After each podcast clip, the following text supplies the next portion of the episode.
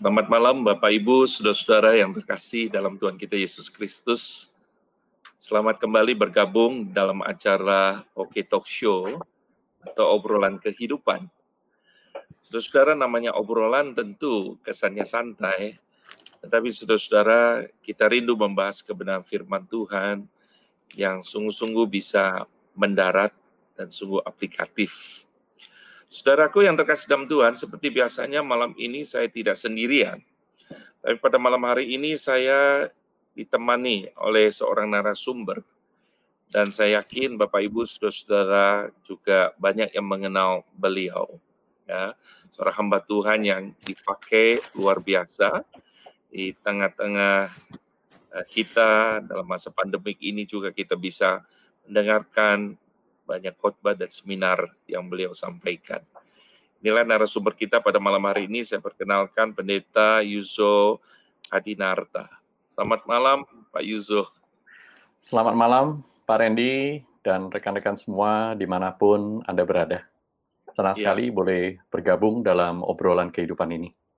Ya, terima kasih Pak Yuzo di tengah kesibukannya mau menjadi narasumber kita. Kehormatan Pak buat saya Pak. Ya, eh, kami sudah lama untuk atur kapan waktunya Pak Yuso. Malam ini kami sangat senang sekali dan para jemaat Pak, baik GKBJ Kelapa Gading yang di Kerawang, yang di Solo, dan jemaat GKBJ yang lain dan seluruh orang-orang percaya Pak menantikan siraman rohani dari Bapak pada malam hari ini. ya, baik Pak sebelum kita lanjutkan, saya harus uh, memperkenalkan narasumber, Pak. Walaupun tadi saya bilang sudah dikenal, tapi paling tidak uh, ini kewajiban saya sebagai moderator Pak, untuk memperkenalkan Pak Yuzo. Mohon maaf kalau ada kesalahan nih. Uh, yang saya dapatkan adalah Pendeta Yuzo Adinarta mendapatkan gelar sarjana teknik tahun 96 dari ITS Surabaya ya Pak. Ya Pak. Sudah sekolah, lalu kemudian dapat panggilan Tuhan, lalu kemudian mendapatkan gelar MDiv tahun 2001 dari STTRI, dulunya STTRII ya Pak. Ya Pak.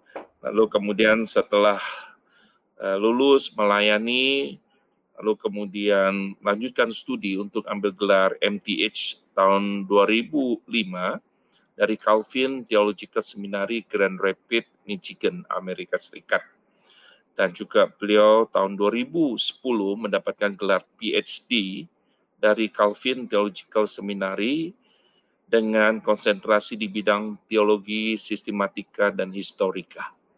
Jadi ini gelar akademis dari Pak Yuzo dan saat ini Pendeta Yuzo Adinarta adalah Ketua STTRI sejak tahun 2016. Beliau ada dosen tetap dan mengelola pusat pengembangan pelayanan pemuridan I3D di STTRI. Nah tadi waktu sebelum kita go live saya sempat berbincang-bincang dengan Pak Yuzo. Mungkin Pak Yuzo bisa jelaskan apa itu I3D, Pak, supaya yeah. kita tahu gitu. Jadi bukan saja memang pemahaman secara uh, teologi tetapi terintegratif juga. Boleh Pak, apa itu I3D? Ya, jadi kami di STT Reform Indonesia, STTRI, kami sampai saat ini diberkati Tuhan dengan hadirnya tiga buah pusat pengembangan pelayanan integratif. Yang hmm. sudah maju duluan adalah pusat pengembangan pelayanan konseling ya. Kita Uh, ada pusat konseling dan kita menggarap kita punya nama itu People Helpers Ministry. Ada Pendeta Yakub, Bu Esther Susabda dan banyak lagi dosen uh, dosen konseling yeah. yang lain. Dan kemudian yang kedua adalah uh, peng, uh, pusat pengembangan pelayanan pemuritan yang integratif. Nah ini mm. uh, kami menggunakan nama I3D Center. I3D Center. I3D itu sendiri uh, singkatan dari Integrative Dynamic Discipleship Development Gitu. Hmm. Jadi uh, pusat pengembangan pemuritan yang dinamis dan integratif, kira-kira seperti itu. Yeah. Yang ketiga, pusat pengembangan pelayanan ibadah, ya, namanya Koramdeo hmm. uh, Worship Stud, uh, Worship Center and Studies. Seperti itu, Pak, kira-kira, Pak. Oke, terima kasih Pak Yusuf. Jadi pemuridan, tapi juga dinamis, tapi integratif, integratif ya Pak. Iya, ya, Pak. Yang yang luar biasa. Uh, dan beliau saat ini juga melayani dalam kapasitas sebagai John Stott Scholar dan seorang misionaris yang didukung oleh Christian Reform World Mission yang CRWM dan juga Church of the Servant CRC Amerika Serikat. Jadi luar biasa juga pelayanan yang Tuhan percayakan kepada pendeta Yuzo Adinarta. Mari saudara-saudara kita berikan aplaus kepada pembicara kita, narasumber kita pada malam hari ini, ya tentu akan uh, memberkati kita. Uh, Saudara-saudara, dalam kesempatan ini kami juga memberikan kesempatan kepada Bapak Ibu, saudara-saudara sekalian untuk berpartisipasi untuk talk show malam hari ini.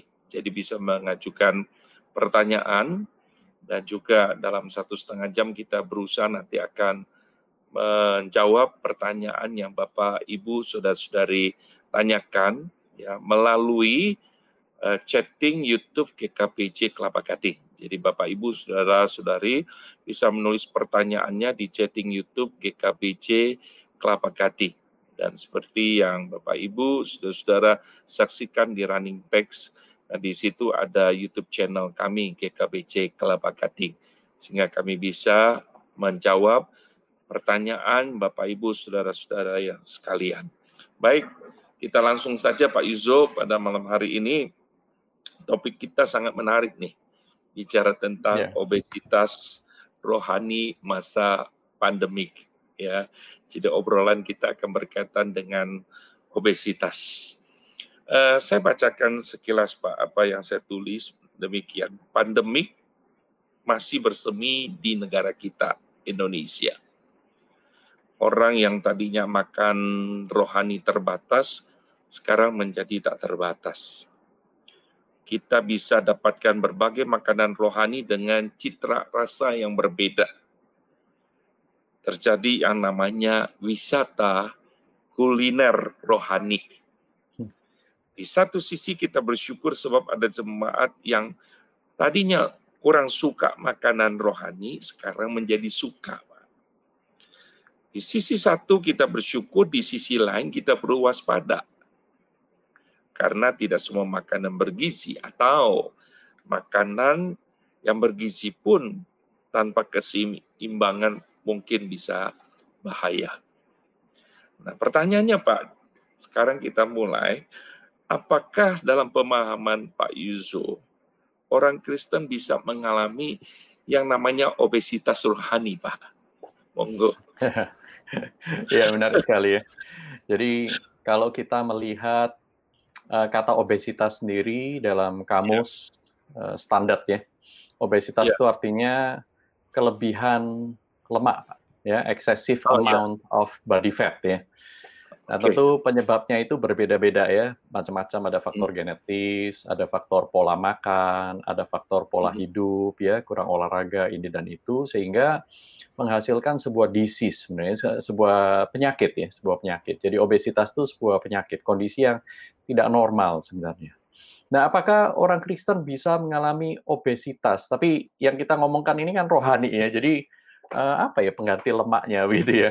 Uh, jadi intinya begini, uh, kan kalau kita bicara tentang obesitas secara fisik ya, lemak itu sendiri kan bukan hal yang jelek. Lemak hmm. itu hal yang baik. Tubuh kita membutuhkan lemak. Ya. Hmm. Uh, lemak itu mempunyai banyak sekali fungsi.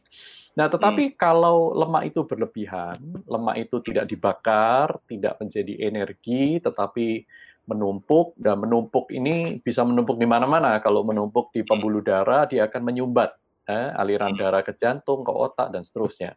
Nanti akan menimbulkan ketidakseimbangan di organ-organ tubuh yang lain. Nah, mungkin yang saya ingin soroti adalah obesitas rohani itu artinya kita memiliki atau menerima asupan yang terlalu banyak, ya asupan yang terlalu banyak sehingga nah sehingga tidak seimbang. Nah ketidakseimbangan ini bisa mempengaruhi aspek-aspek hidup kita yang lain. Hmm, nah, kalau hmm. pertanyaannya apakah kita bisa mengalami ketidakseimbangan? Sangat-sangat hmm. mungkin, ya saat-saat mungkin bahkan bukan hanya obesitas rohani saya bisa katakan malnutrisi rohani atau sekarat rohani atau macam-macam ini banyak sekali ya banyak sekali yang kita harus ya. waspadai ya tetapi yeah, intinya pada satu ya intinya yaitu kehilangan keseimbangan di dalam hmm. aspek-aspek hmm. hidup kita nah hmm. keseimbangan seperti apa misalnya eh, bisa saja keseimbangan itu antara pendengar uh, mendengar dan melakukan firman itu bisa salah satu hmm. ya kemudian hmm. ada aspek Eh, personal dan aspek komunitas. Ini juga harus seimbang gitu. Antara keluarga dan keluarga dan pekerjaan misalnya seperti itu. Profesi ya. Antara me time dan other time. Nah, jadi uh, keseimbangan ini bisa macam-macam dan apakah mungkin? Saya pikir sangat mungkin. Bahkan jangan-jangan ya ini, jangan-jangan Pak Randy ya, banyak yeah, dari yeah. antara kita ini sebenarnya yang mengalami ketidakseimbangan, cuman levelnya berbeda-beda. Hmm. Ada yang hmm. ketidakseimbangannya itu kronis dan akut gitu, ada yang ketidakseimbangannya itu mild ya, sedikit lebih hmm. lebih ringan gitu. Nah, hmm. cuman kita harus waspada terhadap fenomena-fenomena seperti ini. Nah, itu hmm. mungkin uh, sedikit tanggapan saya untuk uh, masalah terminologi ya. Nah, ini kan yeah, yeah. obesitas ya. Kalau obesitas itu kelebihan. Nah, kalau hmm. malnutrisi ini berbeda lagi ya. Malnutrisi yeah, yeah. ini artinya kita itu kalau dalam secara fisik kita itu suka dengan makanan-makanan tertentu, misalnya singkong. Ya, kita hmm. makan hmm. singkong berlebihan sampai kita nggak mau yang lain gitu ya. Hmm. Kalau di Jawa hmm. dulu kita tahu ada penyakit namanya HO ya, hunger udem gitu ya. Itu kan artinya kita itu hanya makan kentang, kentang, kentang, kentang, tapi kita tidak menerima asupan mineral yang lain, vitamin yang iya. lain. Yeah. Jadi dibilang lapar nggak lapar, tapi busung lapar ya lapar yang hmm. membusung nih. Jadi kelihatan gendut, uh, gemuk gitu, tetapi sebenarnya tubuhnya tidak sehat. Nah ini ini malnutrisi. Jadi ketidakseimbangan hmm. nutrisi bisa dibilang seperti itu. Atau yang sekarat, sekarat artinya ya betul-betul kurang makan, kurang makan sama sekali. Nah ini di masa pandemi ini ada banyak pak yang seperti ini. Ada beberapa teman mengatakan, waduh tanpa terasa ya Selama pandemi ini saya sudah mengikuti 30 webinar. Waduh, dahsyat ya. 30 webinar kalau tiga bulan berarti satu satu bulan itu 10 webinar.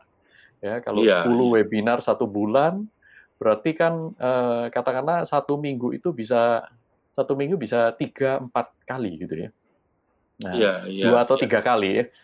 Nah, yeah, ini dua nanti. Benar-benar. Jadi pertanyaannya adalah apakah pengetahuan itu mentransformasi kita. Atau jangan-jangan hmm. hanya kita tumpuk. Nah, kalau kita tumpuk, ini yang berbahaya. Ya, mengapa hmm. berbahaya? Karena dengan bertambahnya apa yang dipercayakan kepada kita, sebenarnya bertambah juga tanggung jawab. Bukankah hmm. Kristus berkata kepada barang siapa yang diberi banyak, dia dituntut banyak ya. Hmm. Tapi apakah berarti ya sudah saya tidak terima sama sekali aja supaya saya tidak dituntut apa-apa? Ini juga keliru. ya, juga keliru ya. karena uh, orang yang sehat itu adalah orang yang makan, orang yang haus ya bisa dia dia haus hmm. cari minum, dia lapar cari makan. Ya. Nah dalam hmm. kerohanian hmm. kan juga begitu ya kita ada hmm. lapar dan haus rohani malah Tuhan Yesus berkata berbahagialah mereka yang lapar akan kebenaran. Berarti kelaparan itu hal yang hmm. baik. Cuman jangan sampai kelaparan ini menjadi ekstrim ya kita lari dari ekstrim yang satu ke ekstrim yang lain jadi kekenyangan sampai nggak sempat melakukan firman nah ini juga tidak hmm. sehat gitu nah jadi hmm. Hmm. hmm. mungkin semoga dengan beberapa kalimat ini kita semakin sadar ya oh ketidakseimbangan apa yang dimaksud dengan obesitas hmm. rohani nah, kira-kira seperti hmm. itu Pak Randy iya iya terima kasih Pak Yusuf. Eh, sangat menarik ya kalau tadi lihat orang-orang yang eh, apa namanya sebulan bisa 10 kali webinar bahkan mungkin bisa lebih gitu ya. Sedangkan kalau dulu sebelum pandemik itu Pak kan paling gereja ngadakan sekali dua kali dan kadang iya. susah sekali gitu ya eh, jemaat ikut ya tapi dengan pandemik ini kadang ada blessing juga Pak ini sekali yeah. jadi orang-orang mulai itu ya uh, ikut uh, cukup tertarik dengan makanan rohani ya, ini. Ya. Cuma di satu sisi kan bisa jadi akhirnya wisata kuliner gitu kan Pak.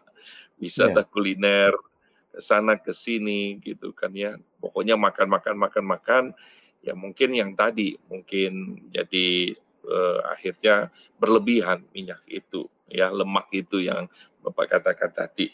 Nah sebenarnya itu kan di dalam eh, kejadian kita dalam hal makanan gitu Pak secara fisik. Kalau makan rohani tadi kita bicara Bapak udah jelaskan sedikit tentang obesitas rohani. Nah apa sih ciri-cirinya Pak orang itu mengalami obesitas rohani gitu. Jadi misalnya kan eh, ya kita nggak bilang oke okay, yuk 10 kali udah obesitas enggak kan bukan bukan banyaknya yang dia makan tapi kemudian ada ciri-cirinya gitu. Apa itu ciri-cirinya? Iya, yeah. well uh, menarik sekali ya Pak. Uh, Pak Randy ya. Ciri-cirinya ini ada beberapa ya menurut saya. Ciri-ciri ada beberapa. Tapi yang jelas beberapa atau indikasi ini kalau obesitas betulan itu kan ada ada parameternya yang jelas ya, ada indikatornya. Ya. Sehingga kita kategorikan ini obesitas yang tingkat tinggi, tingkat menengah atau masih ringan seperti itu. Dari body mass index misalnya ya, BMI-nya hmm. itu. Nah, ya, tapi ya. kalau kalau obesitas rohani kita juga sebenarnya mengukurnya dari ketidakseimbangan. Nah, ketidakseimbangan hmm. ini nanti akan menghasilkan beberapa fenomena-fenomena lagi yang lain. Ya, hmm. ketidakseimbangan dalam hal apa? Misalnya bisa dikatakan ini antara pengetahuan dengan perbuatan, ya, antara hmm. per hmm. pengetahuan perbuatan. Alkitab hmm. kita itu banyak sekali uh, yang menyinggung dan menyoroti ketidakseimbangan ini. Ya, hmm. Ya, banyak sekali. Nah, Uh, saya tertarik untuk menarik analogi dari khotbah Tuhan Yesus di bukit, Pak. Ya. Oke. Okay. Nah, yeah. Bayangkan saja itu khotbah Tuhan Yesus di bukit dari Matius pasal 5 sampai Matius pasal 7 misalnya, ya. sekalipun di hmm. Injil yang lain juga ada ya, tapi yang paling lengkap kan di Matius itu pasal 5 sampai hmm. pasal 7. Kalau uh, ada beberapa tafsiran mengatakan bahwa ini sebenarnya bukan satu kali khotbah, tetapi beberapa kali khotbah bukan hanya hmm. satu hari, tapi beberapa hari, malah mungkin beberapa kurun waktu. Hmm. Nah, jadi Tuhan Yesus itu memberikan banyak sekali pengajaran dalam khotbah di bukit. Hmm. Nah, tetapi di akhir khotbah di bukit itu, Tuhan Yesus memberikan mengingatkan kepada orang yang banyak mendengar khotbah dia justru ya. Maka hmm. Tuhan Yesus menutup itu dengan satu perumpamaan. Ada dua orang yang membangun rumah. Yang satu hmm. di atas pasir, yang satu di atas batu. Ya, satu di hmm. atas pasir, satu di atas batu. Nah, kemudian kedua-duanya ini berhasil uh, memiliki rumah ya, menghasilkan hmm. rumah, tetapi akan diuji oleh badai, oleh angin ribut yang besar, yang dahsyat. Nah, rumah yang hanya dibangun di atas pasir ini akhirnya roboh dan kerusakannya besar. Dikatakan di sana ya, kerusakannya besar. Yeah. Nah, sementara rumah yang dibangun di atas batu karang ini dia akan kokoh berdiri. Akan kokoh hmm. berdiri. Nah, lalu Tuhan Yesus memberikan jelas penjelasan. Orang yang membangun rumah di atas pasir itu adalah orang yang hanya mendengar tetapi tidak melakukan. Orang yang hanya hmm. berpesta rohani katakanlah ya, mendengar hmm. banyak sekali khotbah dan bukan bukan khotbah biasa loh, ini khotbah dari hmm sang firman, nih, khotbah dari Tuhan. Yesus sendiri. Nih, ya. Ya, ya. Tetapi tidak melakukan firman. Nah, sementara yang satunya lagi, mereka mendengar tetapi melakukan. Nah, bahkan orang yang mendengar tapi tidak melakukan dikatakan dia itu orang bodoh, orang bodoh ya. Hmm. Sudah yeah. dikasih modal, tetapi modal itu tidak dipakai.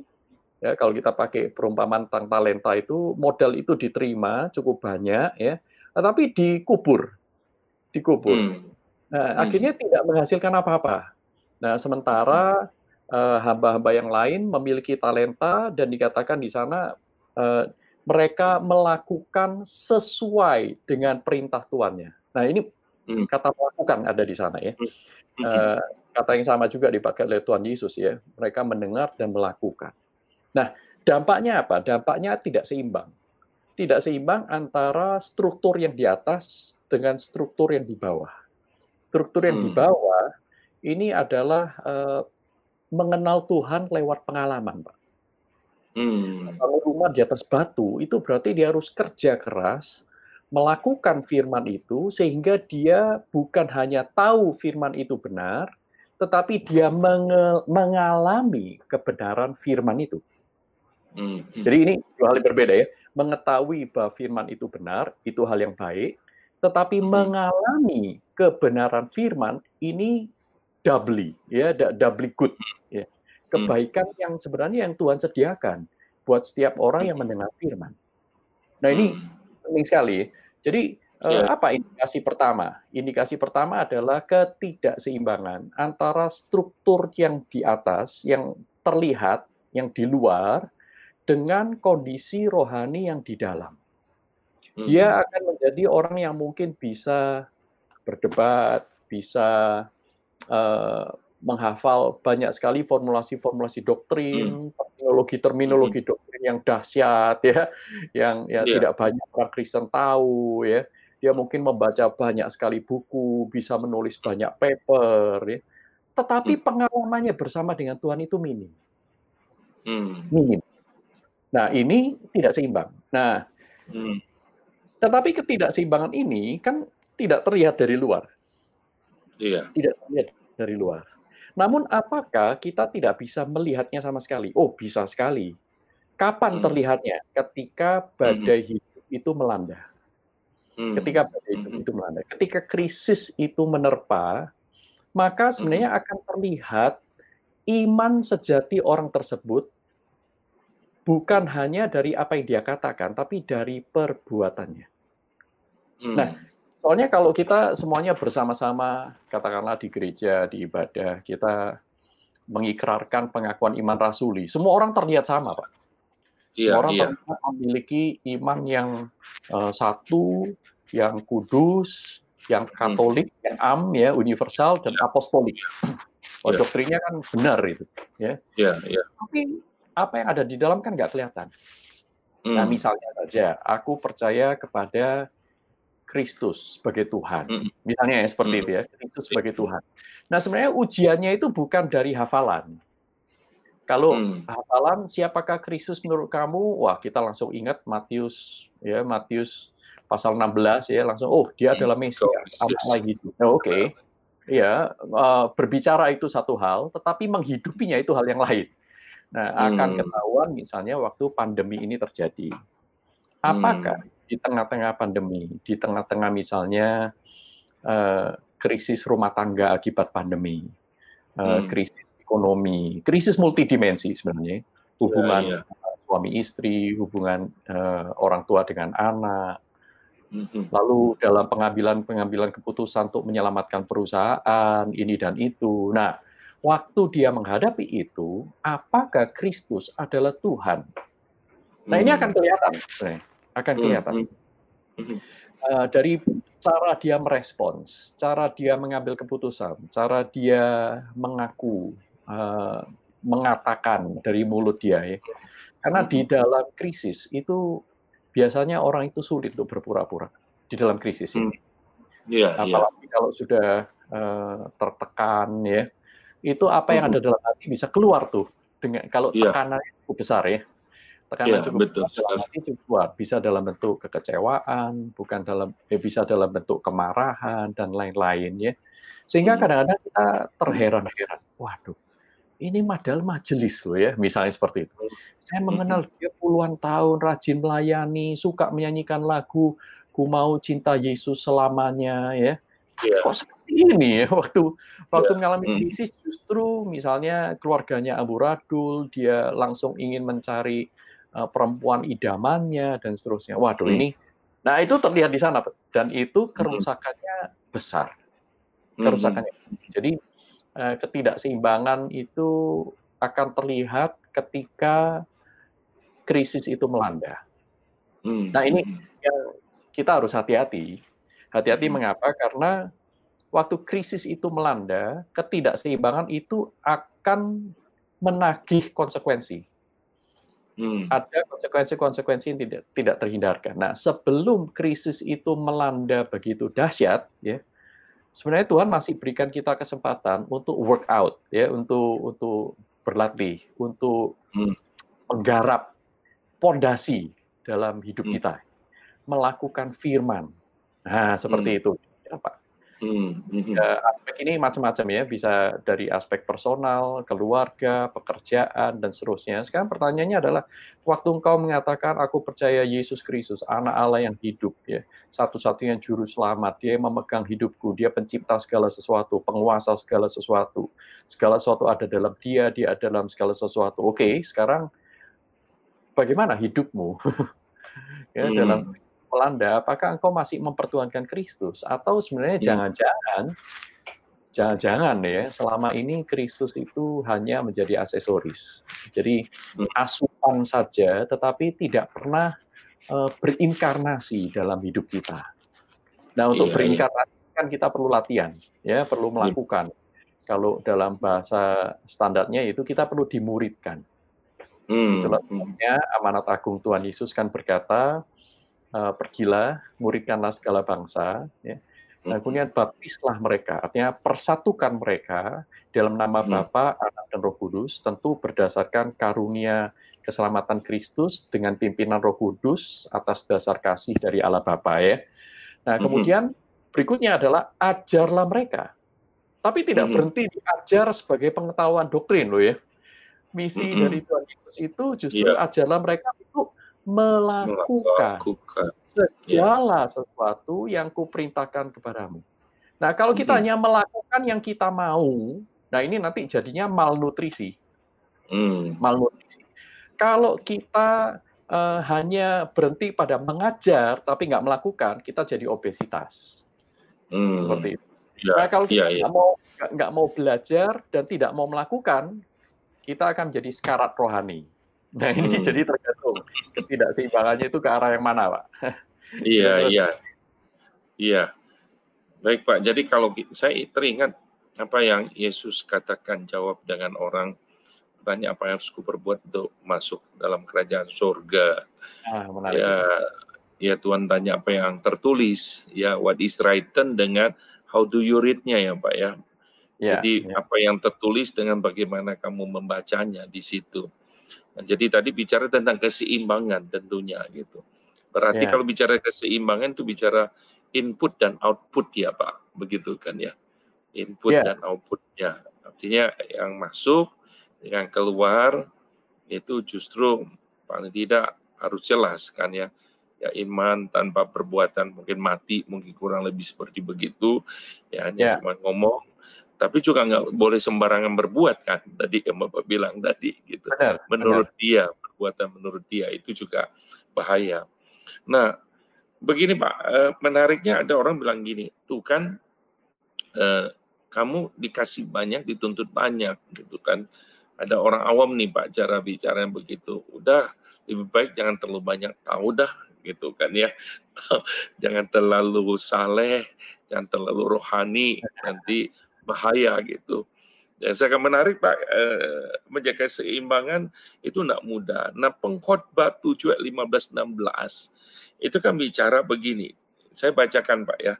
Eh, pengkhotbah berkata ayat 15-nya, dalam hidupku yang sia-sia aku telah melihat segala hal ini. Ada orang saleh yang binasa dalam kesalehannya.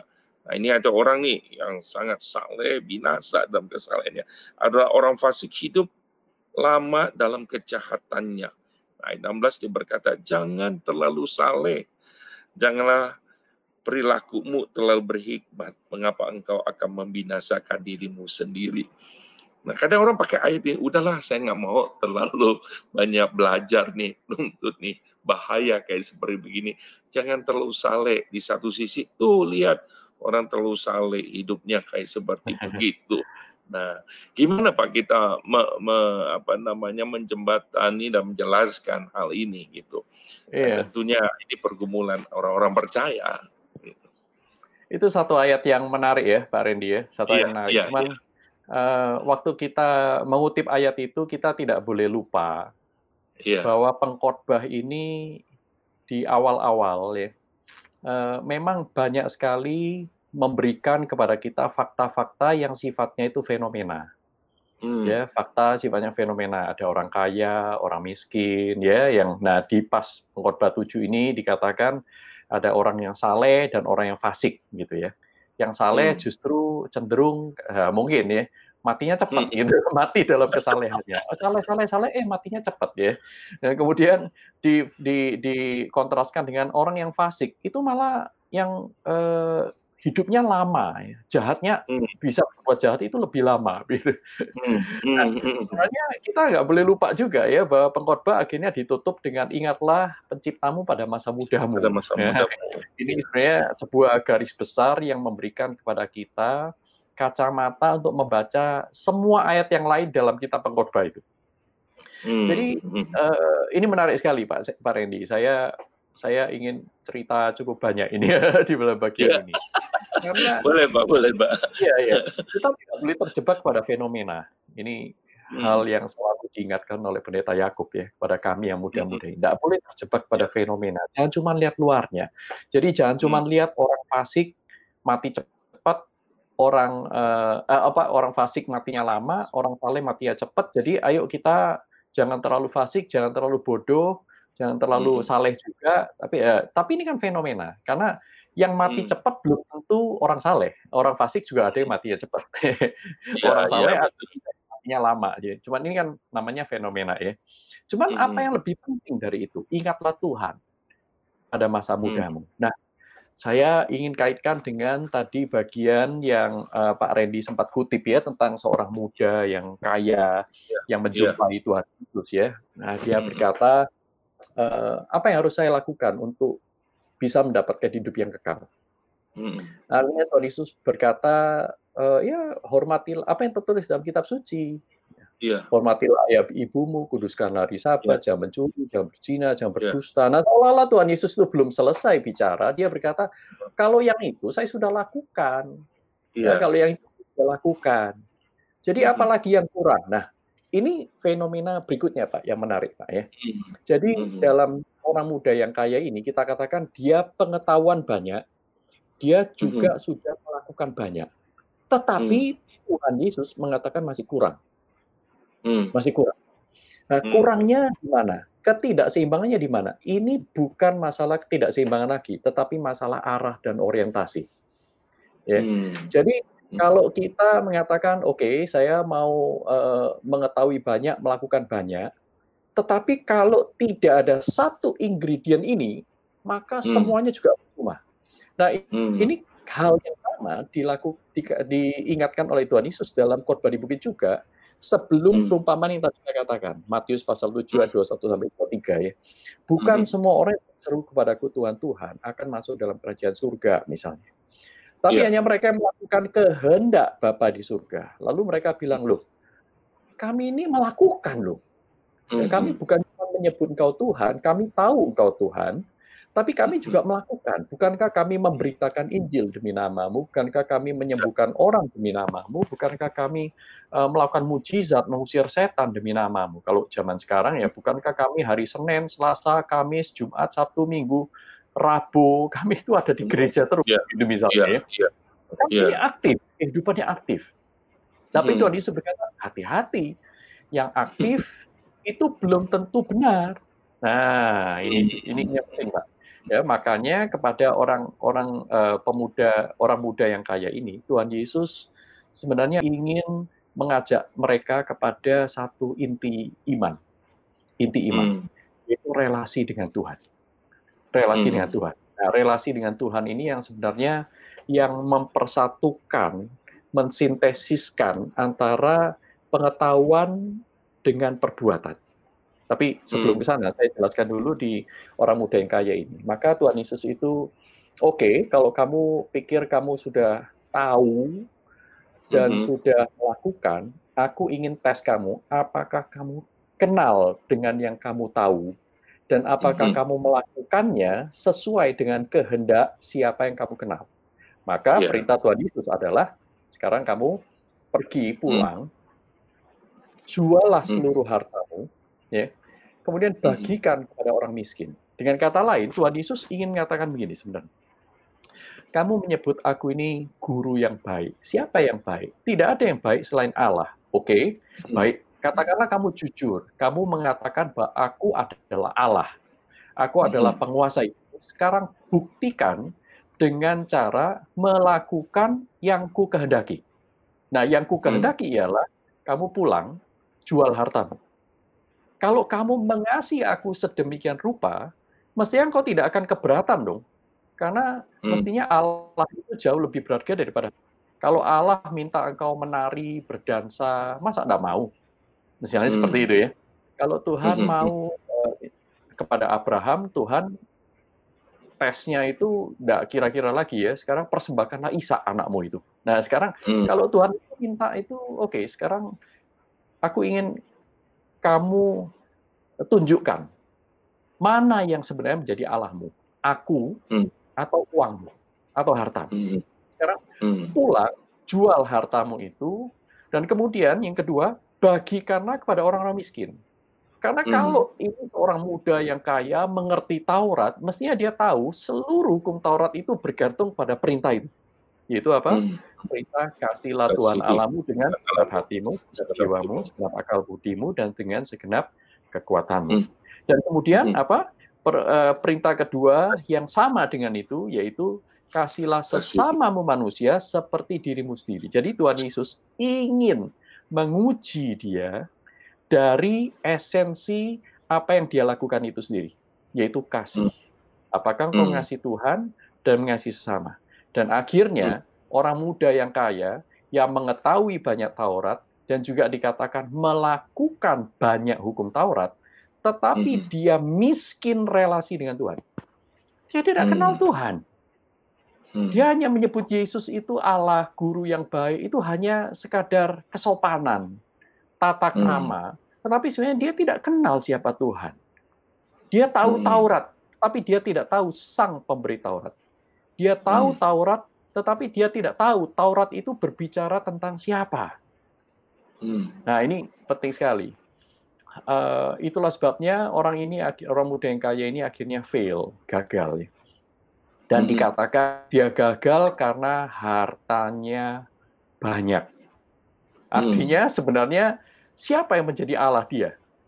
Ya. Hmm. Kalau Yesus adalah Tuhan Yesus adalah Allahnya yang sesungguhnya, dia akan meninggalkan hartanya dan mengikuti Yesus. Karena itu perintah Tuhan Yesus. Jual, bagikan, kemudian kembalilah ke sini, ikutlah aku. Nah, tetapi hmm. dia justru melakukan sebaliknya. Dia meninggalkan Yesus untuk hartanya. Jadi sebenarnya di balik semua perilaku Eh, kerohanian, perilaku agama, dalam kasus orang muda yang kaya ini, Allahnya adalah hartanya. Hartanya adalah hmm. Allahnya.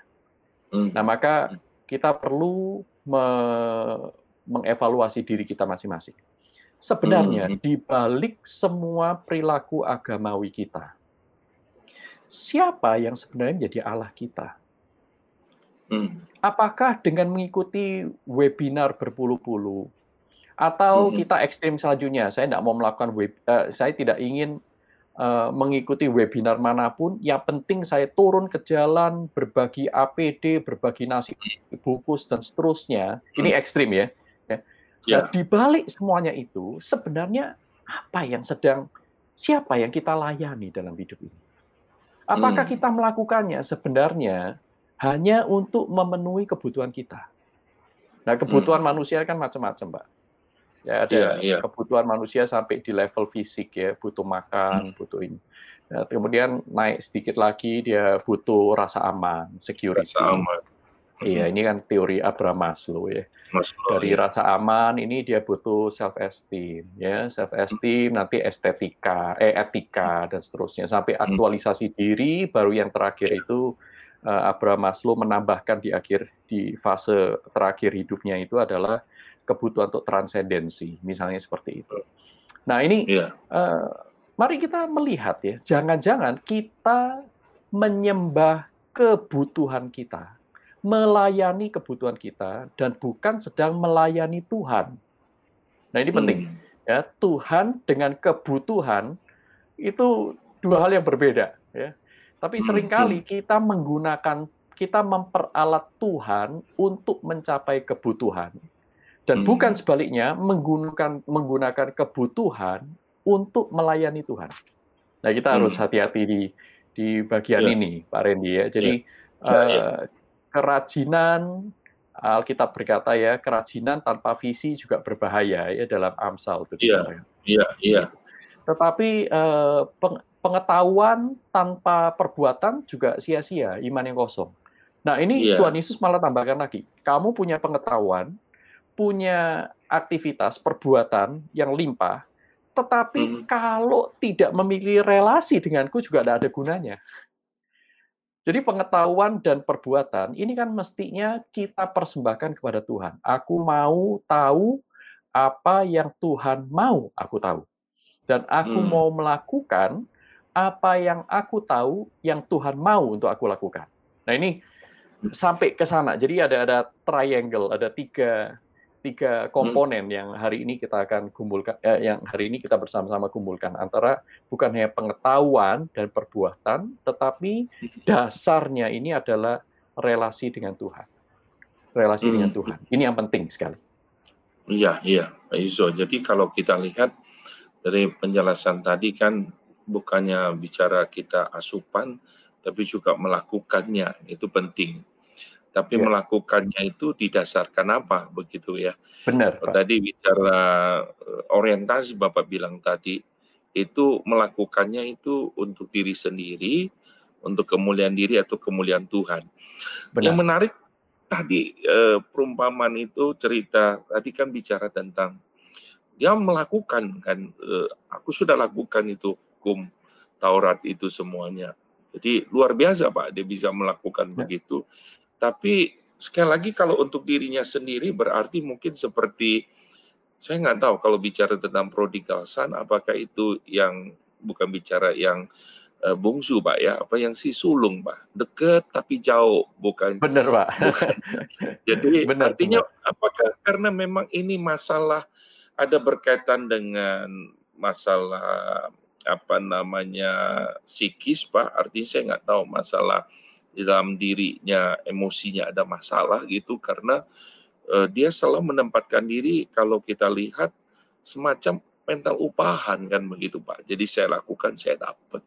Yeah. Jadi seperti anak yang uh, sulung juga dia selalu bilang aku selalu dekat dengan Bapak tapi dapatnya apa nih gitu kan. Bapak nggak pernah kasih yeah. saya seekor anak lomba pun untuk pesta. Jadi apakah itu ada kaitannya Pak sehingga terjadi nggak bisa keluar karena memang ada masalah di dalam dirinya. Gitu. Yeah. Kalau saya boleh share perspektif saya ya, yeah. perspektif saya yeah, itu yeah. saya melihatnya ini masalah relasi Pak Randy, masalah relasi. Gitu, ya. Jadi berada di rumah bapaknya tidak menjamin seseorang memiliki relasi yang benar dengan bapaknya. Seperti hmm. itu ya. Nah, tetapi berada di luar rumah bapaknya bukan berarti dia tidak memiliki relasi yang baik, eh, relasi yang eh, bukan berarti dia tidak mungkin memiliki relasi yang baik dengan dengan bapaknya juga. Okay. Apakah Jadi, itu masalah konsep, maksud saya konsep Allah, konsep bapaknya yang nah, salah, Pak. Di satu sisi bapak yang murah hati, di satu sisi bapak yang menuntut itu yang dianggap pemahamannya sehingga kalau dari kalimat-kalimatnya rasa ketidakpuasan karena Bapak tidak pernah kasih saya bahkan seekor anak yeah, yeah. apa pun kayak seperti begitu. Jadi memang uh, pemahaman yang salah begitu, Pak. Benar. Jadi uh, kalau saya katakan pemahaman ini bukan semata-mata knowledge uh, about yeah. ya, knowledge about, tetapi okay. knowledge of gitu ya. Uh, okay, okay. lebih kepada pengenalan. Jadi mungkin si sulung ini tahu bahwa bapaknya itu yang melahirkan dia tahu dia. Tetapi dia hmm. tidak kenal, tidak kenal hati bapaknya. Maka sering kali hmm. dia masih memiliki orientasi menjadikan tolok ukur dirinya itu untuk menilai bapaknya dan bukan hmm. sebaliknya. Dan bukan hmm. sebaliknya, ya.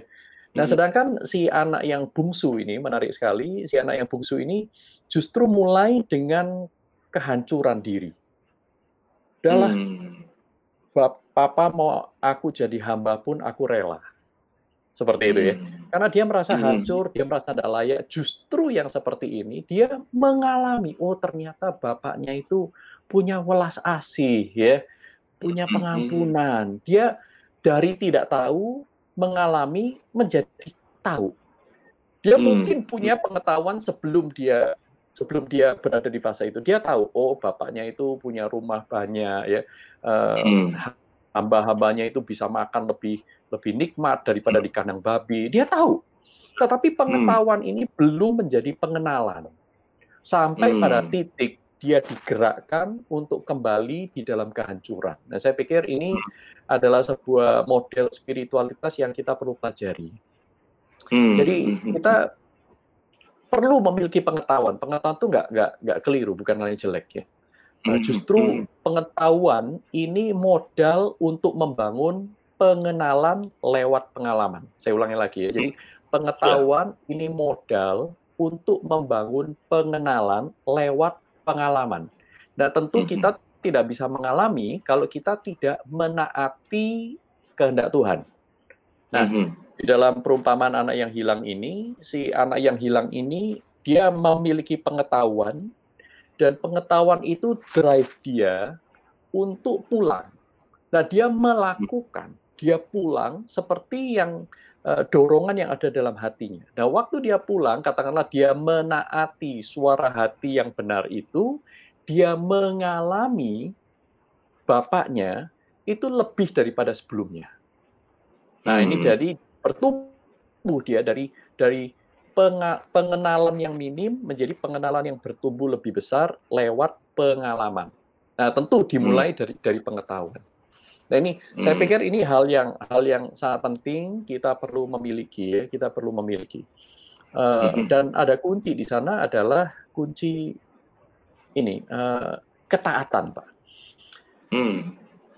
Ketaatan itu sendiri adalah dasar pengalaman. Kalau kita tidak hmm. taat kepada firman, kita tidak akan mengalami firman. Kalau kita tidak mengalami firman, berarti firman itu baru sekadar pengetahuan. Jadi untuk hmm. pengetahuan menjadi pengenalan, ini perlu pengalaman. Untuk pengalaman, pengetahuan ini harus memiliki ketaatan. Ya. Nah, hmm. ketaatan ini mempunyai dasar, seperti yang tadi saya katakan. Dasarnya adalah relasi. Hmm. Dasarnya relasi.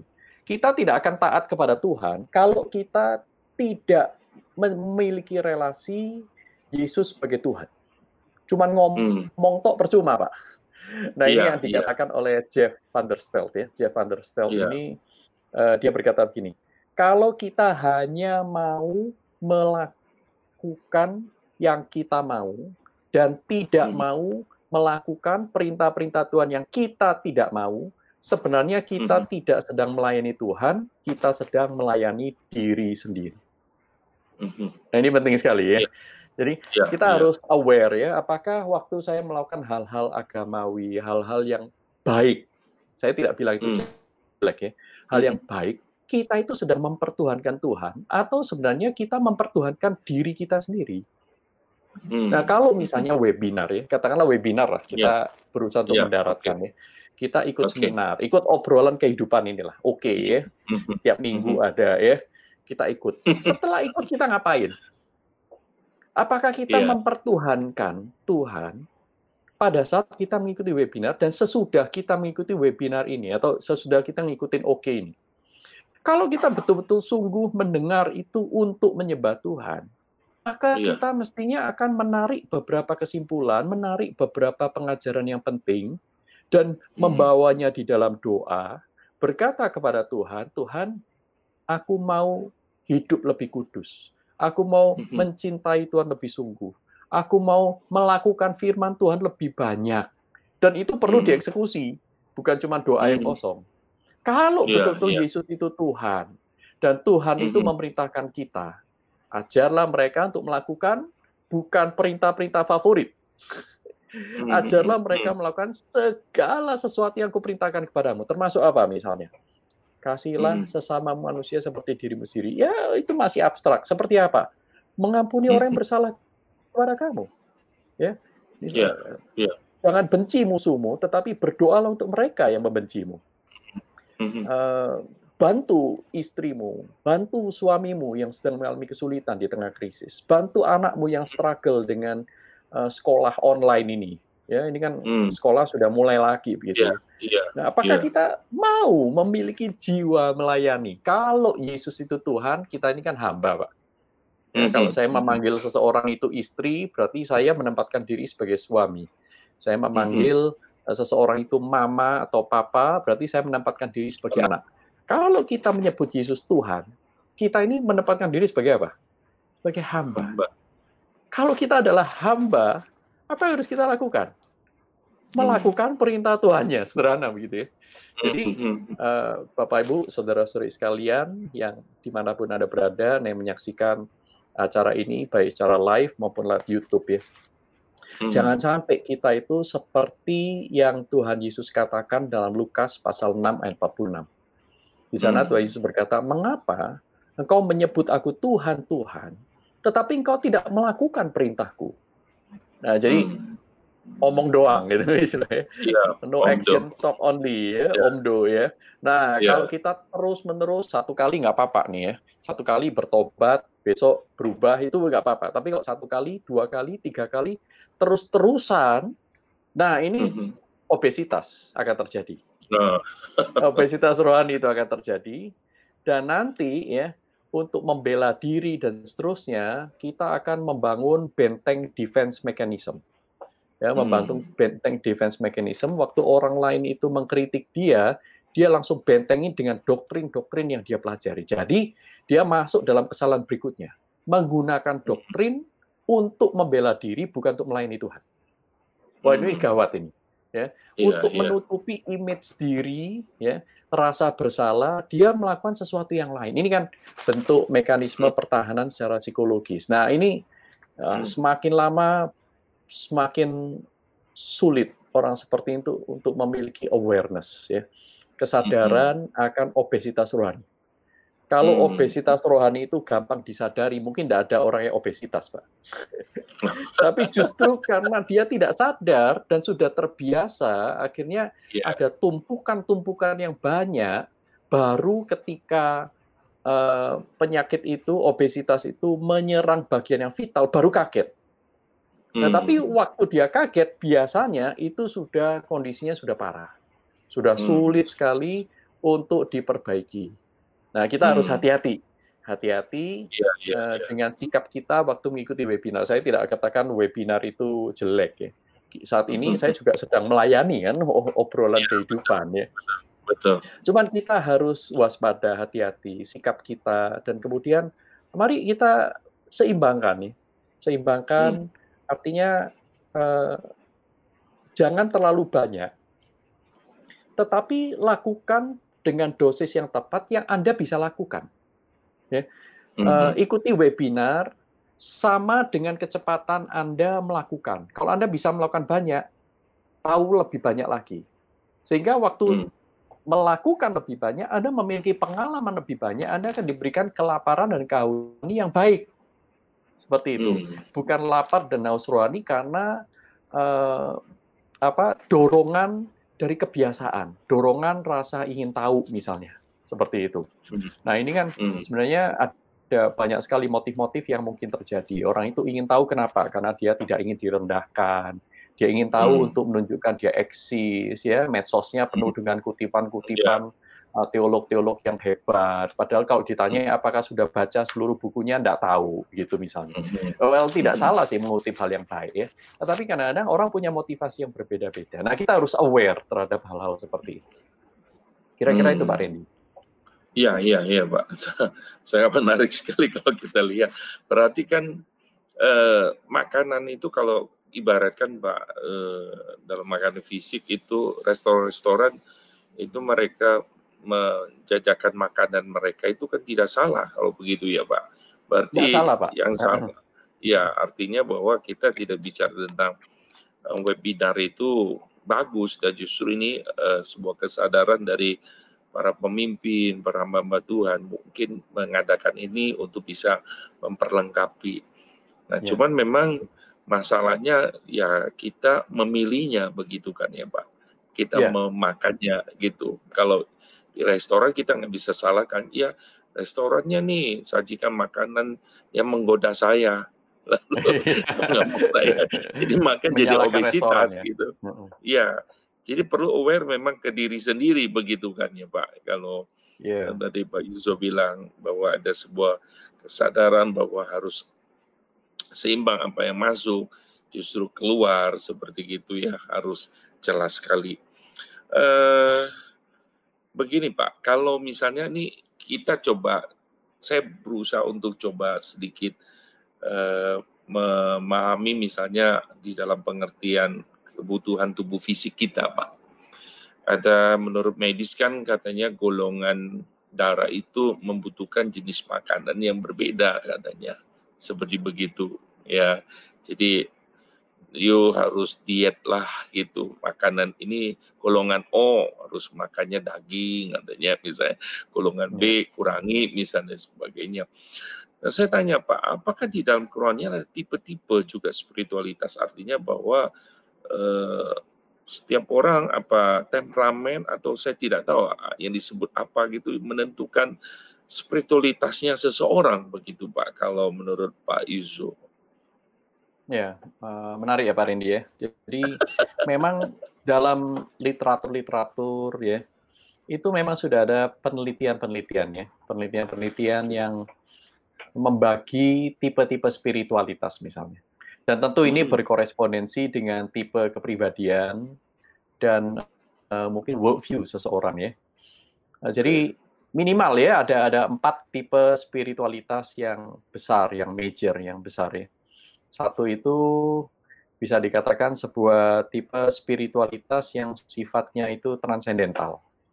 Ya, spiritualitas hmm. transendental artinya yang menekankan kepada pengalaman pribadi, pengalaman mistis, ya berpuasa, bersemedi, bertapa, ya, banyak hmm. membaca kitab suci, merenungkan, ya leksio hmm. terus menerus, gitu ya.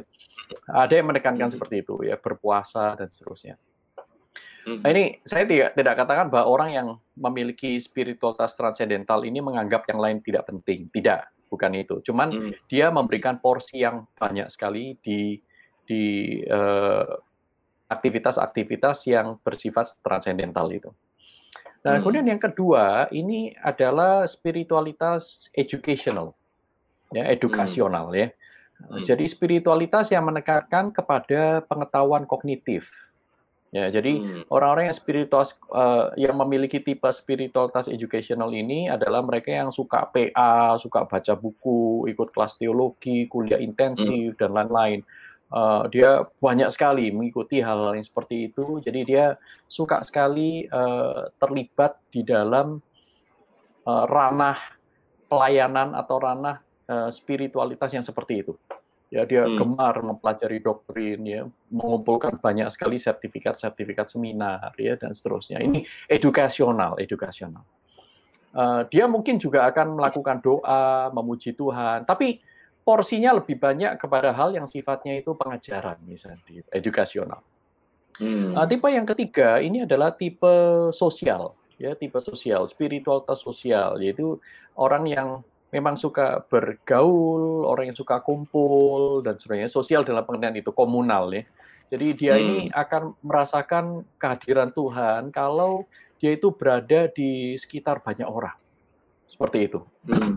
Nah, maka orang seperti ini kalau dalam masa karantina ini menderita sekali ya, karena dia hmm. tidak bisa pergi ke mana-mana ya, pertemuan itu hanya lewat Zoom atau lewat WA call, video call itu kurang nih. Sementara dia hmm. terus terkungkung di kamarnya, agak sulit nih. Nah, nah ini hmm. ini orang yang tipenya spiritualitasnya itu sosial komunal seperti itu. Hmm. Nah berikutnya ini adalah yang terakhir, ini yang tipe spiritualitas yang besar, yang keempat itu adalah uh, spiritualitas misional. Orang nyebutnya misional, tapi mungkin saya katakan lebih ke aksi ya, lebih ke aksi. Jadi orang ini lebih suka terlibat membantu orang miskin ya, uh, mengunjungi panti asuhan, uh, mengumpulkan hmm. makanan, membagi-bagi kepada orang di jalanan. Satu aksi yang uh, nyata ya, aksi aksi hmm. sosial begitu. Hmm. Nah ini uh, keempat tipe ini sebenarnya bergantung kepada kepribadian seseorang. Maka hmm. setiap kita sebenarnya mempunyai kecenderungan itu, ya, mempunyai kecenderungan itu. Hmm. Cuman kita harus ingat ya bahwa sekali lagi pertama kita tidak melayani diri. Kita hmm. memiliki kebutuhan diri yang unik. Tetapi kebutuhan hmm. diri itu bukan Tuhan. Sekali lagi ya, kebutuhan hmm. diri bukan Tuhan. Sehingga hmm. kalau kebutuhan Tuhan itu artinya kita tidak harus menuruti semua yang muncul dalam benak kita yang kita anggap kebutuhan. Hmm. Nah, maka kita harus betul-betul tanya kepada Tuhan dan menundukkan kebutuhan kita itu kepada Tuhan menurut perintahnya, ya menurut perintahnya. Hmm. Nah, saya pikir hmm. Tuhan itu juga sangat-sangat fair kok. Ya, hmm. Tuhan juga memberikan outlet-outlet sesuai dengan kepribadian kita, tapi pada saat yang sama Tuhan tidak ingin kita hanya fokus kepada satu sisi. Ya, waktu mm-hmm. waktu Tuhan Yesus berkata, jika engkau mau berdoa, ya tutuplah kamarmu, berdoalah kepada Allah yang tersembunyi. Kemudian muridnya tanya lagi, uh, murid Yohanes itu diajari berdoa. Tolong kami juga hmm. diajari berdoa. Oke, berdoalah begitu. Nah, bukan berarti karena Tuhan Yesus mengajarkan murid berdoa, maka kita pekerjaan kita seumur hidup hanya berdoa. Kan enggak?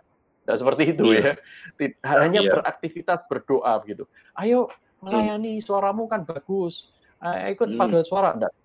Saya hanya mau berdoa. Nah ini tidak benar juga begitu ya. Yeah, Karena iya, selain yeah, yeah. memerintahkan berdoa, Tuhan juga memerintahkan untuk mengasihi sesama secara aksi sosial yang nyata, tapi juga Tuhan ingin kita mendalami firman Tuhan, hendaklah firman uh, hendaklah Kristus dengan segala kekayaannya, firman Tuhan dengan segala kekayaannya itu diam di dalam kamu, ya kan, sehingga kamu satu orang dengan yang lain mengajar, menegur, hmm. menyanyi dan seterusnya ya, menyanyikan hmm. lagu rohani, puji-pujian dan seterusnya. Jadi Alkitab sendiri mengajarkan keseimbangan. Hmm. Jadi eh, kepribadian itu unik, kita harus menerima, tetapi pada saat yang sama kita juga harus mewaspadai supaya kita tidak bergeser dari melayani Tuhan menjadi melayani kebutuhan diri. Nah ini kita hmm. harus uh, harus hati-hati. Ya. Demikian hmm. pula kalau tadi disamakan dengan asupan ya nutrisi hmm. kita itu banyak sekali. Kita butuh pada porsinya ya sebenarnya ya. Uh, kita yeah. butuh karbohidrat, kita butuh protein, kita butuh mineral, kita butuh lemak, kita butuh banyak sekali ingredients yang lain. Maka kita uh, memerlukan ya semuanya itu. Semakin tua sebenarnya tubuh kita, kita sebenarnya semakin sadar bahwa kita membutuhkan banyak. Waktu hmm. muda kita fokus pada makanan favorit kita, Pak. Iya, iya. ya. Iya betul. Nah, ini uh, ujiannya itu kalau kita masuk kepada di dalam restoran all you can eat, Pak. Ya. restoran all you can ya. eat. Kalau Pak Randy dan saya gitu sekarang kalau diajak ke restoran all you can eat, Pertama-tama yang kita pikir adalah satu, all you can eat, all I can eat, but I cannot eat all. Betul. Kalau yeah. saya tidak bisa makan semuanya, saya harus makan secukupnya. Oke, okay? jadi yeah, harus yeah. membatasi diri secukupnya. Kemudian waktu makan secukupnya, kita tidak lagi berpikir apalagi yang enak, tetapi kita makan ya bukan cuma yang enak ya. Kalau masuk restoran mestinya semuanya enak ya. Tapi yeah. pikir mana yang bergizi, hmm. mana yang baik, mana yang tidak membahayakan diri kita. Hmm. Nah, saya pikir kepekaan-kepekaan terhadap ini juga harus dengan lincah kita mainkan di dalam hidup kita sehari-hari ketika kita sungguh-sungguh rindu ingin bertumbuh di dalam pengenalan akan Tuhan, bukan hanya pengetahuan akan Tuhan. Hmm, Saya pikir uh, di situ dulu, Pak. Ya, ya, baik Pak. Uh, nanti kita akan lanjutkan perbincangan kita, Pak. Ini kan ada peserta yang akan bertanya juga. Tentu mereka sedang mendengarkan penjelasan dari Bapak tadi. Yeah. Banyak hal-hal, insight-insight yang baru mungkin bagi mereka. Dan saudara-saudara sekali lagi di dalam malam hari ini, di dalam Oke, okay, obrolan kehidupan talk show kita, sekali lagi saya memberitahukan saudara bisa berpartisipasi untuk mengajukan pertanyaan. Saudara bisa menulis dengan mengajukan pertanyaan uh, melalui YouTube channel GKBC Kelapa Gading. Jadi tinggal tulis saja, kami akan uh, menyampaikan kepada Pak Yuso pertanyaan saudara. Uh, Pak Yuso ini ada satu pertanyaan dari Karin. Dia tanya Karina Raharjo. Malam mau tanya obesitas kan juga bicara mengenai makanan.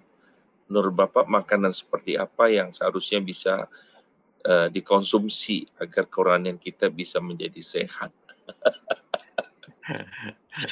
Jadi uh, ini pasti Pak yang nanyanya dia lagi mikirin makanan yang sehat tuh kayak apa begitu. Oke. Okay. Um, Paulus berkata, Rasul Paulus ya, aku yeah. tahu apa itu kekurangan. Aku hmm. tahu apa itu kecukupan. Segala yeah. perkara dapat kutanggung di dalam Dia. Jadi yeah. Uh, en Christos ini penting sekali. Jadi relasi kita yeah, dengan Tuhan. Kristus ya. ya. Relasi kita dengan Tuhan itu itu penting. Dan kemudian di bagian yang lain Paulus juga mengatakan bahwa uh, segala sesuatu boleh aku makan, tetapi tidak semuanya berguna. Segala sesuatu itu hmm. boleh, tapi tidak semuanya hmm. berguna. Ya, ini hmm. juga prinsip ya. Kita makan apa hmm. yang berguna untuk diri kita dan ingat waktu kita hmm. makan itu kita sedang melayani Tuhan. Hmm. Ya. Eh, dalam satu Korintus pasal 10 kan Paulus juga berkata pada saat uh, kalau kamu jika kamu berdiri, kamu duduk, kamu makan, kamu minum, apa pun yang kamu lakukan, lakukan untuk kemuliaan Tuhan. Nah, ini hal yang sederhana nih ya, sederhana tapi hmm. melakukan susah banget ini. susah yeah, banget. Yeah. Itulah sebabnya dalam sejarah gereja itu memberi memberikan kepada kita metode-metode disiplin rohani ya disiplin rohani supaya kita mengingat hal-hal yang rohani ini. Makanya kita gereja-gereja juga sampai sekarang mengajarkan ya, sebelum melakukan hmm. apa pun jangan lupa berdoa. Hmm. Tapi ya itu tadi ya, kalau kita berdoa tidak di dalam Kristus, berdoa itu hanya hafalan, dianggap jadi mantra, jadi tidak ada gunanya juga. Nah, hmm. maka eh, praktik atau tindakan itu tidak akan menjadi sebuah pengalaman rohani kalau tindakan itu kita tidak lakukan dengan kesadaran bahwa kita sedang melakukannya untuk Tuhan. Hmm. Nah, ini ini penting sekali. Itulah sebabnya banyak uh, orang puluhan tahun berdoa belum tentu hidupnya semakin rohani. Ya, hmm. belum tentu. Orang yang rajin ke gereja belum tentu dia adalah uh, belum tentu dia giat menjadi gereja. Ini kan beda ya. Hmm. Rajin hmm mengunjungi gereja, berada dalam gedung gereja, bukan berarti dia itu aktif menjadi gereja di tengah masyarakat. Ini dua hal yang berbeda. Maka kita harus hati-hati ya. Kita itu yang tadi saya uh, katakan, kita tidak boleh henti-hentinya mengingatkan diri kita akan fondasi dari segala sesuatu, yaitu relasi kita dengan Tuhan. Nah, hmm. sekarang bagaimana relasi kita dengan Tuhan itu menentukan apa yang kita makan. Apa yang hmm. kita makan secara fisik ini ya mensana in iya. sano misalnya. ya. Jadi uh, kalau kita itu betul-betul ingin melayani Tuhan, maka mestinya kita akan memelihara tubuh sebagai baik Roh Kudus. Kalau memelihara tubuh sebagai baik Roh Kudus, kalau kita nggak tahu, kurang pengetahuan tentang makanan-makanan bergizi, bo ya cari tahu gitu ya. Nah sekarang ini hmm. webinar kan banyak yang gratis gitu. Ya, yeah. all you can eat, but you cannot eat all. All you can uh, all you can attend, but you cannot attend all. Ya, kita nggak bisa yeah. datengin semua webinar. Cari yeah. mana yang penting yang akan menolong kita untuk bisa bertumbuh dalam pengenalan akan Tuhan. Ya, apakah untuk berkaitan juga kita. dengan ini, Pak? Kalau kalau begitu, apakah berkaitan dengan uh, pertumbuhan, Pak? Pertumbuhan rohani. Maksudnya gini, Sangat, Pak. Ada orang berkata, ya kalau you masih bayi rohani, makanannya susu aja dah gitu. Kalau kamu sudah dewasa ya udah udah punya gigi, udah lumayan makan yang keras lah, jangan minum susu terus. Nah, nah apakah seperti begitu juga Pak ada faktornya? Gitu.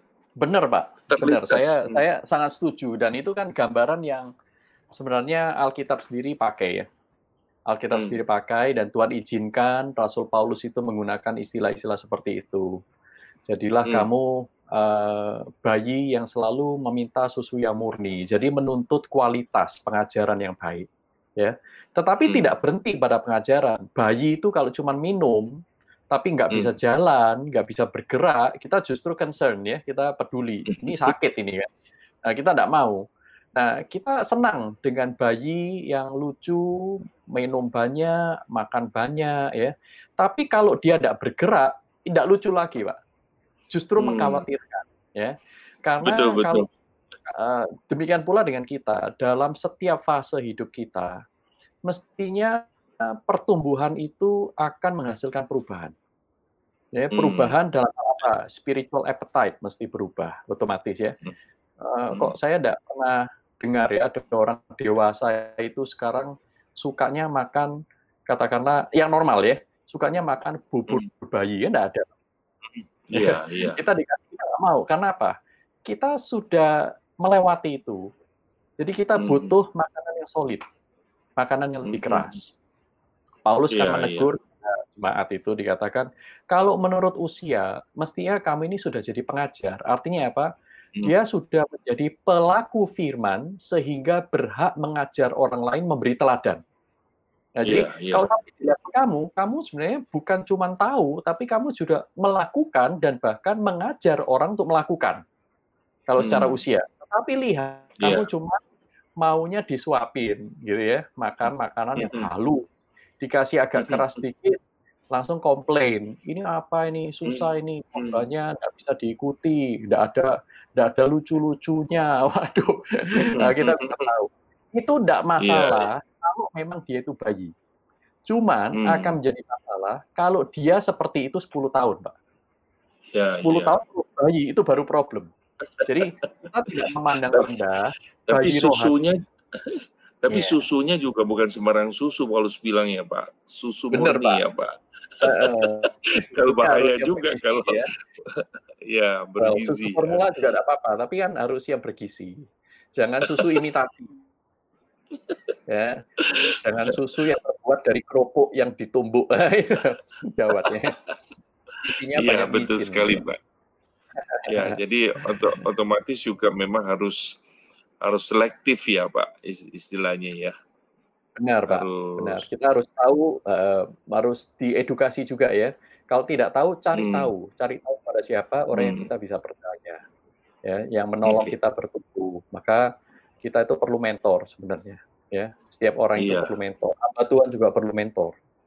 Seperti Betul, itu. Pak. Ini bicara tentang hamba Tuhan nih, Pak. Nih karena waktu ada pertanyaan dari Dede ya apa namanya Wijaya uh, dia bertanya obesitas rohani ini kan lebih dialami oleh para hamba Tuhan atau, atau cuman awam ya jadi dia tanya apakah dialami oleh para hamba Tuhan atau cuman awam khususnya dalam masa COVID-19 ini yang membuat banyak kegiatan rohani pun menjadi online jadi iya. siapa nih Pak ya, yang membuat program jadi obesitasnya atau wow. sebenarnya tapi biasa kalau, kalau masak, kokinya sudah masak, udah jadi nggak suka makan lupa. Gak ini cuma sedikit intermezzo. makan makan makanan orang lain suka pak. jadi Jadi sebenarnya siapa yang lebih rentan untuk mengalami obesitas yeah. rohani? Mungkin itu pertanyaannya yeah. ya. Ya, yeah, betul, uh, betul. Saya pikir bukan masalah siapa yang lebih rentan, tetapi hmm. setiap kita itu rentan. Setiap hmm. kita itu rentan. Nah, rentan lebih rentan atau kurang rentan itu juga tidak bisa diukur dari profesi, jabatan, panggilan dalam hal ini hamba Tuhan atau jemaat awam. Karena hmm. bisa uh, dialami oleh berbagai macam golongan. Cuman hmm. saya harus memberikan uh, sedikit warning ya kepada para hamba Tuhan. Nah ini pada para hamba Tuhan. Ya. Uh, saya perlu berikan warning karena sebenarnya ini juga yang kami alami mahasiswa-mahasiswa seminar itu alami Pak. Setiap hari mm-hmm. Belajar firman Tuhan, kesempatan mm-hmm. untuk melakukan itu seolah-olah itu sedikit, ya seolah mm-hmm. sedikit ya.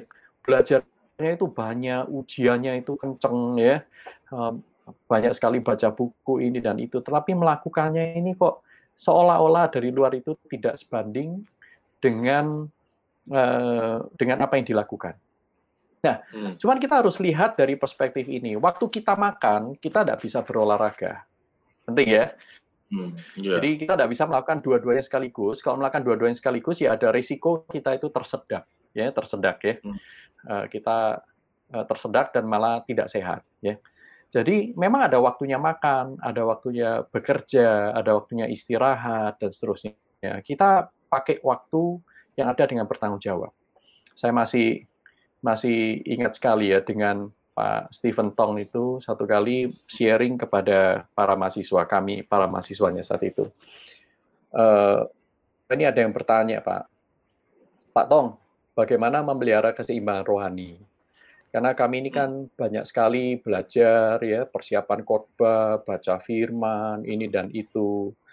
Tapi kok spiritualitas itu seolah-olah kering ya. Nah, seperti itu. Nah, kemudian Pak Tong itu memberikan sebuah jalan keluar insight, saya pikir sangat baik ya. Beliau mengatakan, e, pertama kalau kamu baca firman banyak, kamu harus bilang sama diri kamu bahwa kamu berhutang berhutang untuk melakukannya di kemudian hari. Jangan lupa akan hutangmu hmm. itu. Kedua, ya, pada saat uh, kita integrasikan apa yang kita pelajari dalam teologi-teologi itu dalam hidup sehari-hari. Misalnya kalau nyapu ya, sambil nyapu sambil berdoa. Sambil cuci-cuci sambil kita bersyafaat, ya. Hmm. Kita ada waktu luang, kita pakai untuk memperhatikan rekan-rekan di kamar sebelah, rekan di seberang kamar ya. Ini dalam kasus seminari dan asrama. Saya pikir hmm. wah iya ya ide itu baik sekali ya. Karena sebenarnya hmm. saudara dan saya tidak dituntut lebih daripada 24 jam sehari.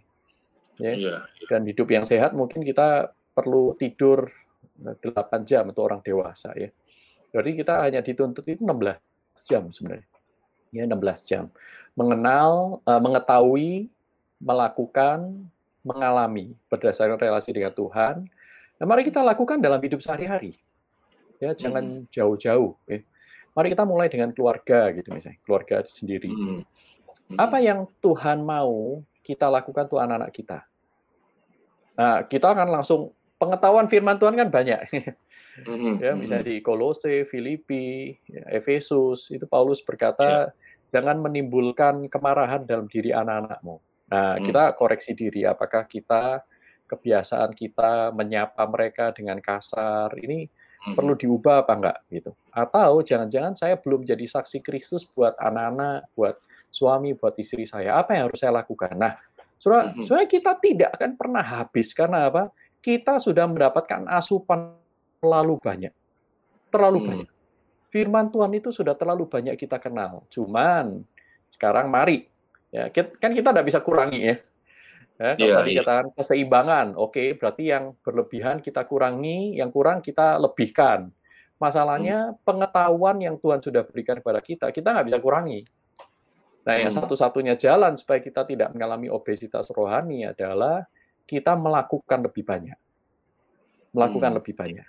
Ya, kalaupun kita ingin mencari pengetahuan tambahan, kita mencari pengetahuan yang menolong kita bisa melakukan lebih banyak. Nah, ini akhirnya jadi seimbang ya jadi ya. seimbang maka anak-anak Tuhan saya yakin kalau prinsip firman Tuhan ini dilakukan ya kita akan bertumbuh dengan baik orang-orang Kristen akan banyak yang menjadi garam dan terang dunia sekarang ini hmm. banyak orang Kristen tidak menjadi garam dan terang dunia karena apa mereka terlalu lelah untuk bergerak hmm. capek ya kondisi ya. dunia ini dan itu belum lagi nanti masalah pribadi masalah rumah tangga karena apa kita tidak membiarkan firman Tuhan tinggal menguasai hidup kita dengan segala kekayaannya.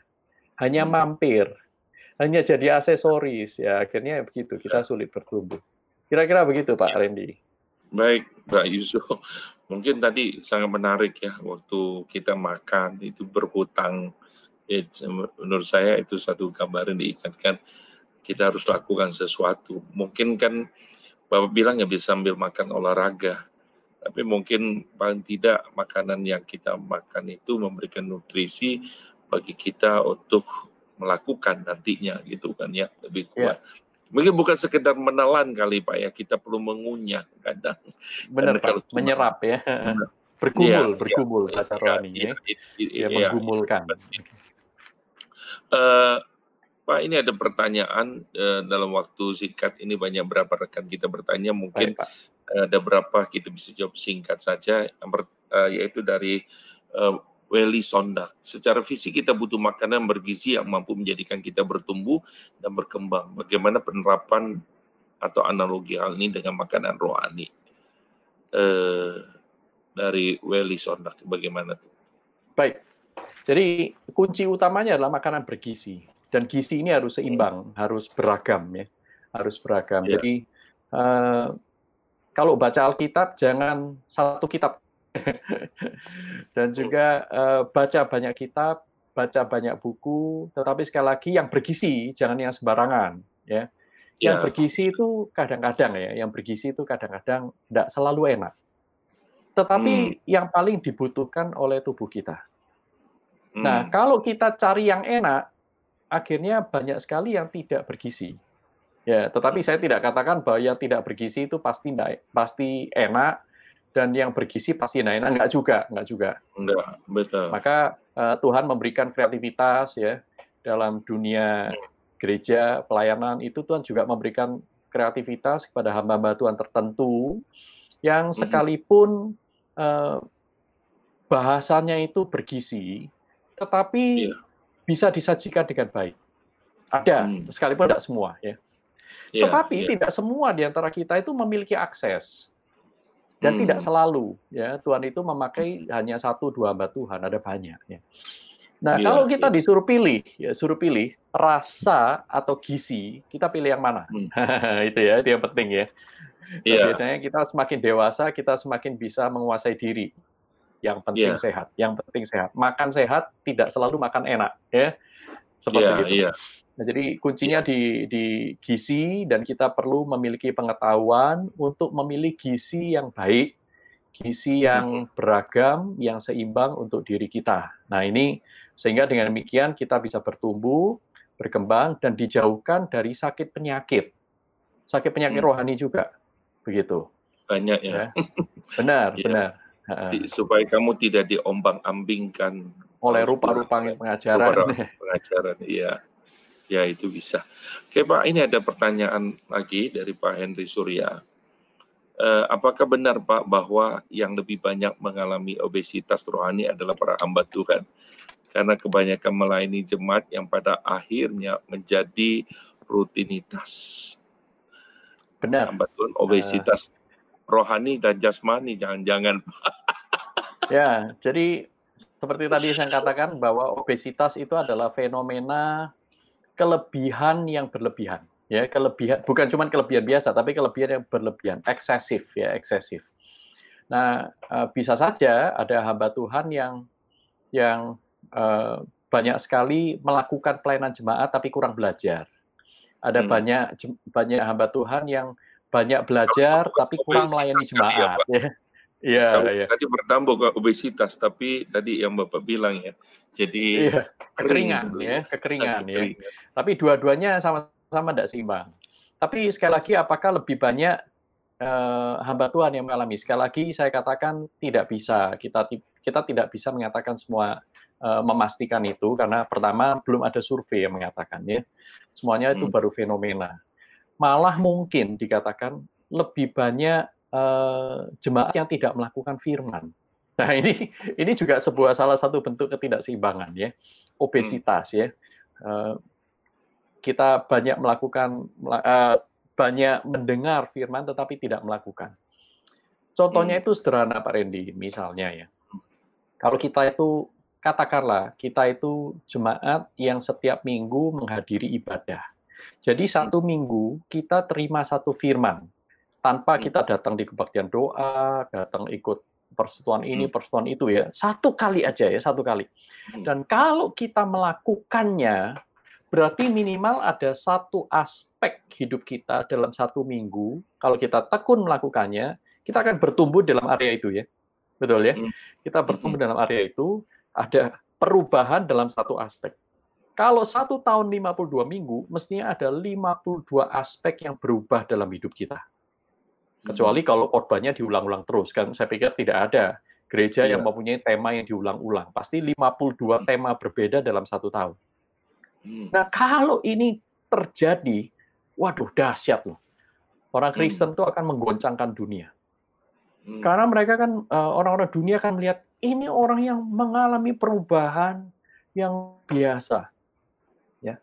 Dia bukan hanya mendengar firman tapi dia melakukan. Dia mengasihi musuhnya, uh, mengasihi dengan tulus, ya, berkata kebenaran, uh, tidak kompromi terhadap dosa, terlibat dalam social justice, ya, sangat-sangat care terhadap lingkungan, mencintai ciptaan Tuhan, masuk dalam green green activity, ya, yang mempromosikan kelestarian alam, uh, belum lagi dalam uh, keluarganya, anaknya. Wah, 52 khotbah dia lakukan. Waduh, dahsyat ya.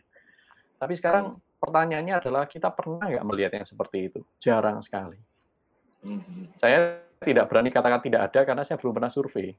Tapi saya jarang sekali melihat. Kalaupun ada itu sedikit sekali. Nah, sekarang kan tugas dari gereja nih ya, memikirkan bagaimana memuridkan mereka. Mengajarkan mereka untuk melakukan segala sesuatu yang Kristus perintahkan. Nah, kalau ini terjadi, niscaya gereja itu akan bertumbuh. Gereja gereja akan bertumbuh ya. Sekalipun gereja tidak ber AC sekalipun gereja gedungnya itu kuno ya.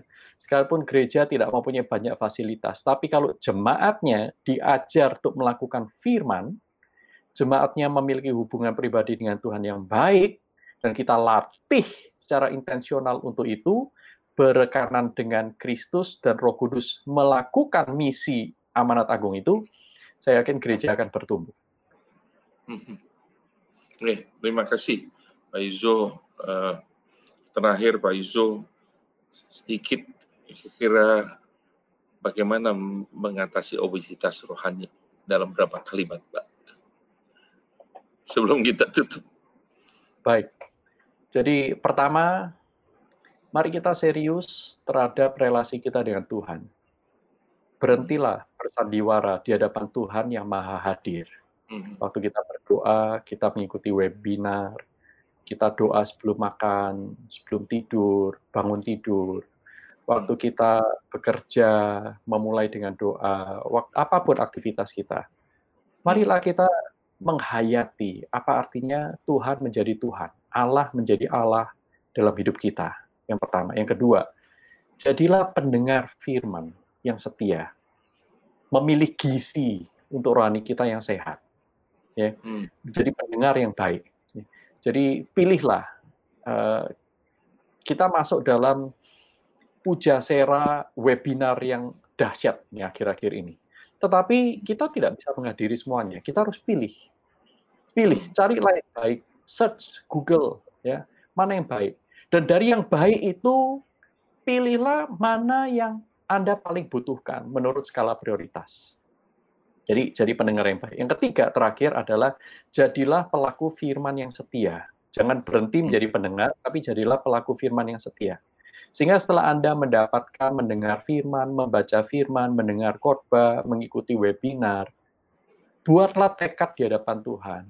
Tanya kepada Tuhan, sungguh-sungguh Tuhan, bagian mana dalam diri saya, aspek mana dalam kehidupan saya, Tuhan ingin saya ubah yang Tuhan ingin saya lebih maju atau yang dosa apa yang Tuhan ingin saya matikan. Hmm. Lakukan. Minta pertolongan Tuhan. Hmm. Nah, lakukan dengan setia, maka niscaya dengan tiga aspek yang seimbang ini, relasi, pendengar, mendengar firman dan melakukan firman, saudara akan melihat bagaimana Tuhan itu bekerja dengan luar biasa mengubah hidup Anda, dan dari hidup Anda, dia akan mengubah lingkungan sekitar Anda, termasuk keluarga Anda. Anda akan kaget-kaget nanti ketika Anda melakukan firman, relasi Anda dengan keluarga itu berubah.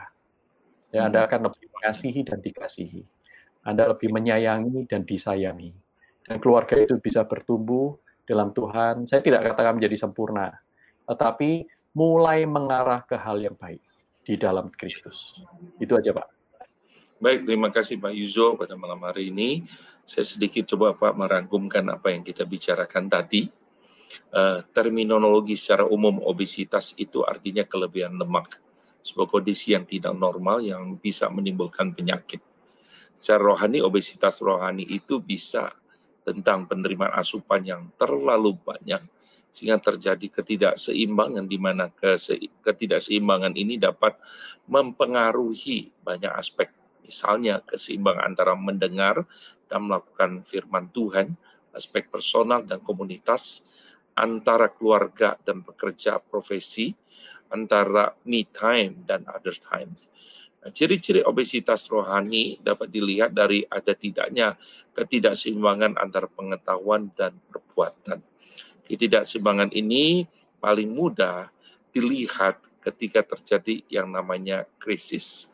Kita tidak boleh terjebak hanya melihat fenomena, fenomena perilaku agamawi kita harus kembali kepada hal yang esensi, yaitu melihat pada relasi, yaitu pengenalan terhadap Tuhan dengan kata lain, pengetahuan penting, perbuatan juga penting, tetapi relasi dengan Tuhan juga penting. Karena itu adalah dasar pengetahuan dan perbuatan kita. Demikian Pak yang pada malam hari kita bisa simpulkan. Terima kasih Pak Yuso boleh di tengah-tengah kita pada malam hari ini uh, obrolan yang sangat memberkati Pak. Dan minggu depan kita akan kembali pada obrolan kehidupan talk show dan uh, kita akan mengundang narasumber kita Ibu Esther Susabda.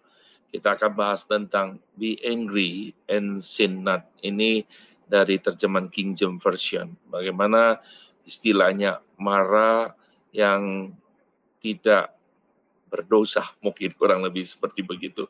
Nah, saya mengundang Bapak Ibu, saudara-saudara bisa ikut di dalam uh, talk show kita minggu depan jam 7 malam sampai 8.30. Jadi jangan lupa tanggal 12 Agustus silakan dicatat dan sudah bisa mengikuti obrolan kehidupan talk show kita. Terima kasih sekali lagi Pak Yusuf, saya mewakili pemimpin di tempat ini, para hamba Tuhan majelis jemaat GKBJ Kelapa Gading dan beserta dengan pos kami yang di Kerawang dan yang di Solo uh, menyampaikan terima kasih kepada Pak Yuzo malam ini bersedia menjadi narasumber kita. Terima kasih juga kepada saudara para pemirsa yang mengikuti obrolan kehidupan kita pada malam hari ini. Tuhan memberkati saudara sekalian. Baik sebelumnya uh, kita akhiri saya minta Pak Yusuf bisa tutup doa singkat kepada kita semua. Baik, um, mari kita bersama-sama berdoa. Bapak kami yang bertata dalam kerajaan surga, Engkau adalah Allah dalam kehidupan kami yang begitu mengasihi kami, sehingga Engkau mengaruniakan Tuhan Yesus Kristus mati bagi kami, sehingga kami boleh memiliki hidup yang baru. Tuhan, dalam hidup yang baru, sering kali kami melupakan Engkau. Kami hanya menyebut Engkau pada saat kami sedang beraktivitas agamawi. Tapi kami lupa bahwa Engkau adalah Allah dalam seluruh aspek hidup kami. Nah, tolong kami ya Tuhan, di dalam kondisi yang rentan buat kami untuk terjebak dalam ketidakseimbangan, kelupaan rohani, dan banyak hal yang lain. Kami memohon belas kasihan Tuhan untuk menumbuhkan kesadaran-kesadaran sehingga kami boleh berkanan dengan Roh Kudus, kami bertumbuh di dalam pengenalan pribadi dan juga secara komunal tentang Engkau ya Tuhan.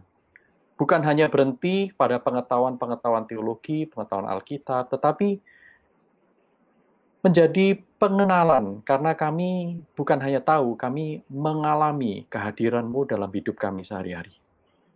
Tuhan sertai setiap kami, hamba-hambamu ini, di mana pun kami berada, supaya kami boleh semakin mempertuhankan Kristus dalam hidup kami, menghasilkan buah yang lebat menjadi kesaksian bagi orang-orang sekitar kami. Terima kasih Tuhan untuk acara obrolan kehidupan ini. Kiranya tidak berhenti pada pengetahuan, kami rindu hidup kami juga diubahkan. Tolong kami ya Tuhan, berbicaralah masing-masing kepada kami masing-masing. Di dalam nama Tuhan Yesus Kristus, Juru Selamat kami yang hidup, kami naikkan doa kami. Amin. Amin. Terima kasih sekali lagi Pak Terima kasih Pak Randy. Ya, Tuhan memberkati buat pelayanan Bapak dan keluarga dan juga kepada saudara-saudara sekalian.